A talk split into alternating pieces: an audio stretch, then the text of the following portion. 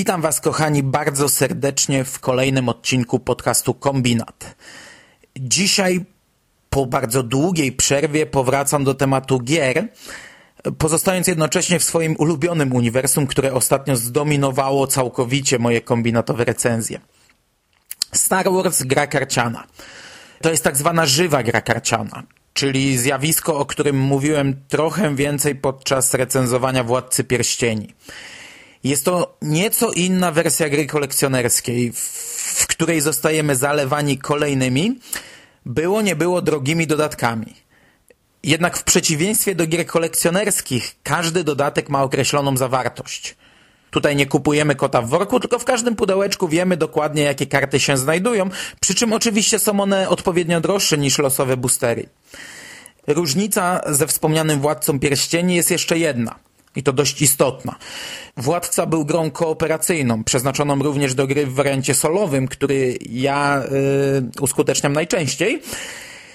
I każdy kolejny dodatek musiał oprócz kart gracza zawierać kolejny scenariusz i nową talię kart przeciwności. Star Wars to jest zwykła gra dwuosobowa, w której kolejne dodatki i rozszerzenia dopakowują każde z sześciu dostępnych stronnictw.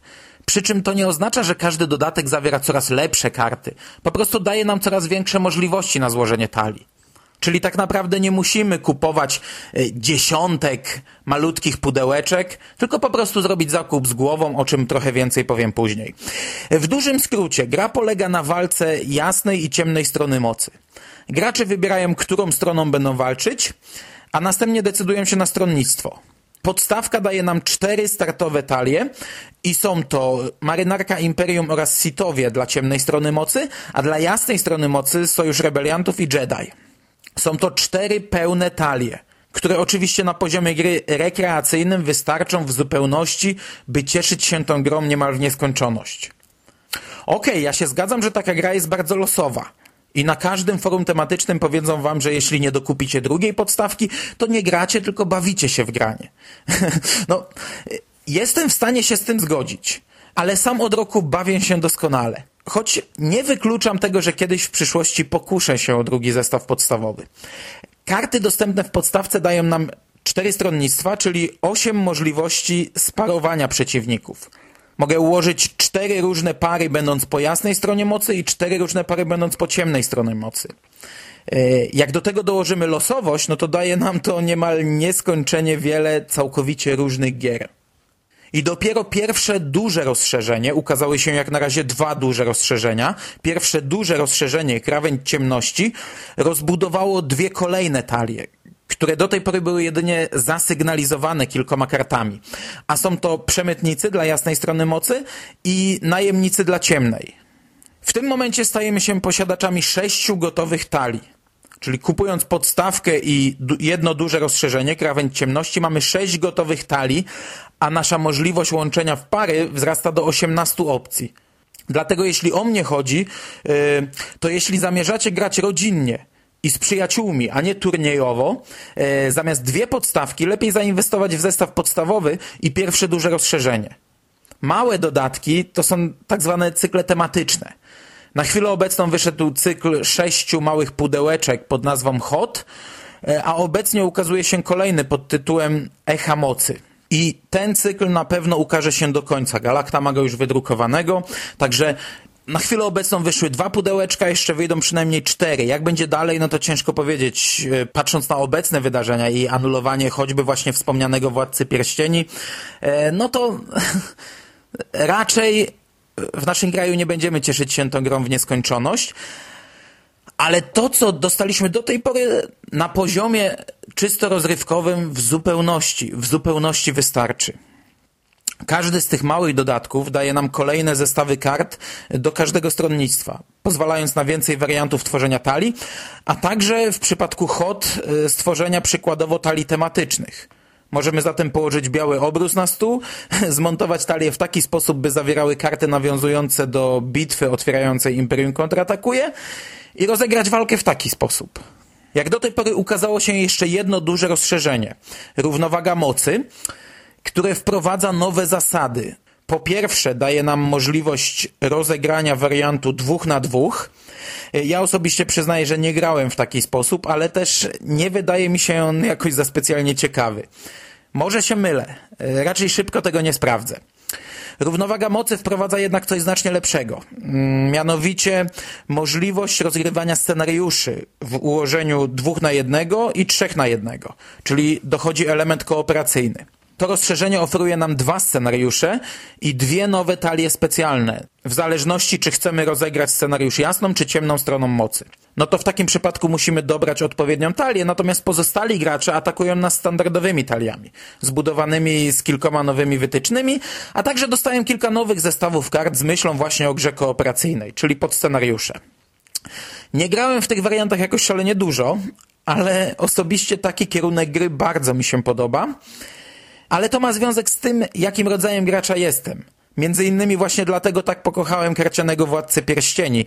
Yy, za scenariusze, za fabułę, za historię, a nie tylko za grę jeden na jednego. Okej, okay, wypada wreszcie powiedzieć dwa zdania o samej mechanice gry. Po pierwsze jest to gra asymetryczna. Czyli każda strona ma inne zadania do wykonania. Ciemna strona musi zbudować gwiazdę śmierci, która powstaje po kawałku. Po każdej turze i po każdym zniszczonym celu jasnej strony przesuwamy znacznik no, na takim żetonie gwiazdy śmierci. Czas gra zatem na korzyść ciemnej strony, która może grać znacznie bardziej defensywnie, atakując bardzo zachowawczo i w taki sposób wygrać, nie niszcząc nawet żadnego celu jasnej strony. Jasna strona natomiast ma za zadanie zniszczyć trzy cele przeciwnika. I to jest warunek zwycięstwa. Gracz jasnej strony musi zatem grać bardzo ofensywnie i aby wygrać, no, musi atakować. I to jest w skrócie esencja gry. Szczegółowo nie będę tego już tutaj opisywał. Jeżeli kogoś to zainteresuje, to odsyłam do instrukcji lub do specjalnych filmików zrobionych przez Fantasy Flight Games, a mm, przetłumaczonych przez Galaktę i dostępnych w serwisie YouTube. Star Wars gra karciana wyróżnia się też sposobem składania talii. Tutaj nie wygląda to tak jak w każdej innej grze z tego czy podobnego worka. Nie składamy talii dowolnie z dowolnych kart, a musimy układać ją zestawami. Każdy zestaw to konkretne, ponumerowane karty i w skład każdego zestawu wchodzi jeden cel i pięć kart gracza, jednostek, wydarzeń i ulepszeń. Czyli nie mogę sobie wziąć jednej, dwóch czy trzech kart z danego zestawu, a pozostałych nie brać. No, to jest transakcja wiązana, muszę brać cały zestaw. E, minusem jest to, że jak gdzieś przypadkiem zgubimy jedną kartę, to automatycznie możemy wyrzucić też pięć pozostałych. No i minusem jest przetrzymywanie tych kart. W pudełkach to jest po prostu koszmar. Ja osobiście jeszcze nie przekonałem się do segregatorów i trzymania w segregatorach kolekcjonerskich gier karcianych, ale myślę, że to jest już krótka droga do tego, abym się przekonał. Okej, okay, przejdźmy do najważniejszego. Klimat gry. I tutaj mam dylemat, bo po pierwsze, no mamy przepiękne karty. Graficznie naprawdę wykonane są rewelacyjnie bardzo klimatyczne, e, nawiązujące głównie do starej trylogii, ale jest też rozszerzone uniwersum. E, no, mucha nie siada, jest przepięknie. Z drugiej strony jest to gra, którą równie dobrze można by podpiąć pod każde inne uniwersum, e, wymieniając same grafiki i nazwy kart, a pozostawiając całą mechanikę, włącznie pewnie i z opisami, i z cechami charakterystycznymi danych kart. Sytuacja oczywiście dość często spotykana, ale zupełnie inna niż choćby we wspomnianym już przeze mnie Władcy Pierścieni. Tam każda karta, indywidualne własności każdej karty, jej obecność w grze, każde wydarzenie czy cała przygoda były żywcem wyjęte, czy to z kart książek Tolkiena, czy z kadrów filmowych ekranizacji. Oczywiście kolejne dodatki też dawały nam e, całkowitą dowolność w przejściu wydarzeń, e, choćby na przykład z Hobbita czy Władcy Pierścieni. Mogliśmy przejść Hobbita Frodem, e, Powrót Króla Boromirem i tak dalej. Czy choćby pozwalały na walkę orłami w Mori, ale to wszystko po pierwsze zależało od nas, bo równie dobrze mogliśmy budować tak zwane talie kanoniczne, no talie, w których występowali tylko bohaterowie i sprzymierzeńcy żyjący w danym okresie literackim. Po drugie, dawało to możliwość rozegrania alternatywnych wersji znanych historii, ale nadal odtwarzało się realie Śródziemia. W przypadku Star Wars gry harcianej no może dojść do absurdów. I tak naprawdę często do nich dochodzi. Może dojść do takich absurdów, gdy wystawię sobie Towntowna do obrony przed wielkim krążownikiem Imperium. I w ten sposób tak naprawdę jakoś mogę pokrzyżować szyki i jeśli ten wielki krążownik jest odpowiednio już obstrzelany, to mogę go nawet zniszczyć jakimś zwierzaczkiem.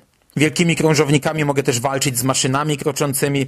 Każdy wielki statek mogę tak naprawdę zablokować droidem przesłuchującym. Czyli latającą kulką ze strzykawką mogę wyłączyć wielki niszczyciel. Przy pomocy każdej postaci, każdej, mogę zaatakować szyb wentylacyjny Gwiazdy Śmierci. I podobnie mogę go bronić. Nie tylko myśliwcami, ale postaciami. Maszynami kroczącymi, ludźmi, czy nawet rankorem, jeśli mam taki kaprys. Każdą jednostkę mogę połączyć z mocą. Bo jest to też jeden z elementów gry, o którym nie wspomniałem, że powinno się jednak kontrolować równowagę mocy i dołączać jednostki do mocy. Czyli tak naprawdę nie tylko podłączając żywe postacie do mocy mogę zaburzyć równowagę na własną korzyść. Jeśli miałbym taką ochotę, to mogę skorzystać, dajmy na to, z rebelianckich myśliwców. I dzięki jakże silnym mocom X-Wingom i Y-Wingom sprawić, że równowaga, e, choć w zasadzie w tym momencie już to już będzie bardziej brak równowagi, no będzie po, po mojej, po jasnej stronie mocy. Postać Obiłana można napakować duchem Obiłana, bo tak, jednocześnie można grać żywym bohaterem i jego duchem. E, no i takie przykłady mogę mnożyć. Klimat wojen jest zachowany przez wygląd gry. Kapitalny wygląd gry. W towarzystwie fanów gra się w to doskonale, no ale kupy się to to kompletnie nie trzyma. I na to trzeba być przygotowanym przed rozgrywką. Równie dobrze można by zastąpić grafiki artami ze Star Treka i rozgrywka nie straciłaby nic na atrakcyjności. No, znaczy pod względem mechaniki, no bo klimatycznie poszłoby o kilka klas w dół, bo to w końcu trek, ale no odkładając na bok uszczypliwości, wiecie o co mi chodzi. W tej grze to grafiki tworzą klimat Gwiezdnych Wojen, a nie mechanika. To grafiki sprawiają, że to jest gra osadzona w tym uniwersum, a nie jej mechanika. Podsumowując, Star Wars gra karciana to jest świetna rozrywka, szczególnie dla fanów uniwersum, szczególnie tych wychowanych na starej trylogii. Jak każda żywa gra karciana stanowi ogromny wydatek, Oczywiście wystarczy ograniczyć się do zestawu podstawowego i przez długi czas cieszyć się rozrywką za cenę minimalną, ale ona i tak nie jest mała. No bo to jest jakieś 120 zł. Jeżeli dorzucimy do tego rozszerzenie, yy, które napakuje nam dwie dodatkowe talie, o którym wspomniałem wcześniej, krawędź ciemności, no to dojdzie do tego jakieś kolejne 80, 90, 100, w zależności od tego, w jakim sklepie kupujemy złotych. Czyli to już jest wydatek na ponad dwie stówy. Jeżeli ktoś będzie chciał kupować dalej, no to zaboli to jego portfel.